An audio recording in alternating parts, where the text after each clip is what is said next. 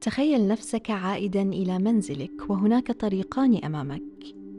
طريقك المعتاد الذي تحفظه ابا عن جد والطريق الآخر الذي لم يسبق لك أن ذهبت منه. طريقك الذي تعرفه ليس الأسهل أو الأقل ازدحاما إنما عقلك قد اعتاد عليه. للحد الذي تجد فيه نفسك متواجدا في وجهتك الأخيرة التي تود الوصول إليها. ما رأيك بأن الحياة التي تعيشها مبنية على ذات المبدأ؟ ولكنك قد لا تدرك ابدا بأنك تمشي في مسار افتراضي حتى بعد وصولك إلى هدفك. مثلا لنتكلم عن أوعر المسارات اختيارا. ألا وهو مسارك المهني؟ في أسرة تقليدية وفي مجتمع يضع وظيفتك الدليل الأول للتعريف بك. من أنت حقا في هذه المعادلة؟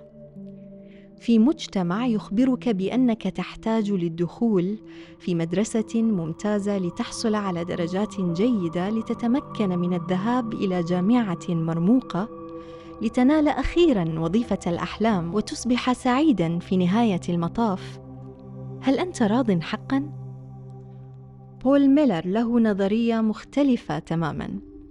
هو يقول بأن الطريق الغير مستو أو الغير معتاد هو البديل عن الطريق الافتراضي ففيه تتبع وضعا مجهولا وشاقا وفي عالم يخبرنا بأن نتكيف دائما.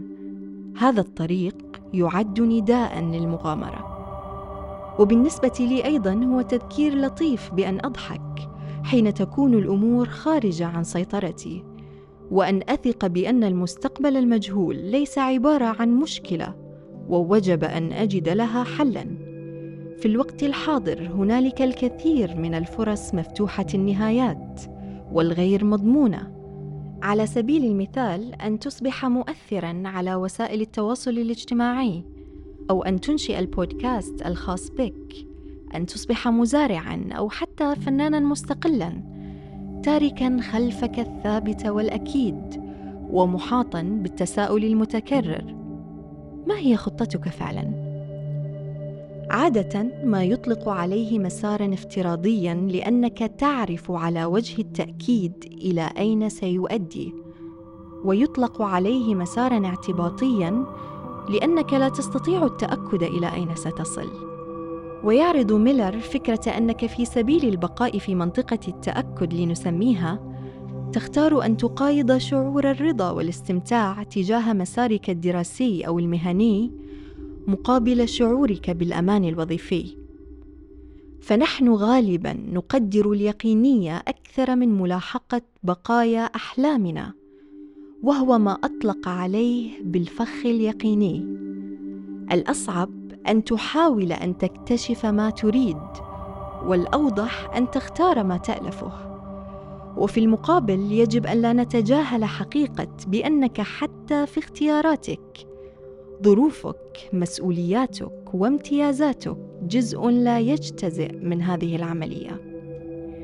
يوجد أيضا الفخ الآخر الذي تحدث عنه وهو المكانة الاجتماعية التي تكتسبها بفضل انبهار الناس بك وبما تعمل وهو ما يجعلك أحيانا تقتنع بأنك مستمتع فيما تعمل.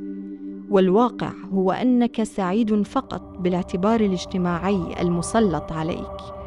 وقس عليه المسار الغير ثابت والذي تعاني فيه وبشدة لتشرح للناس ما تفعله في حياتك. أنا أرى بأن الحياة ذاتها ليست ثابتة.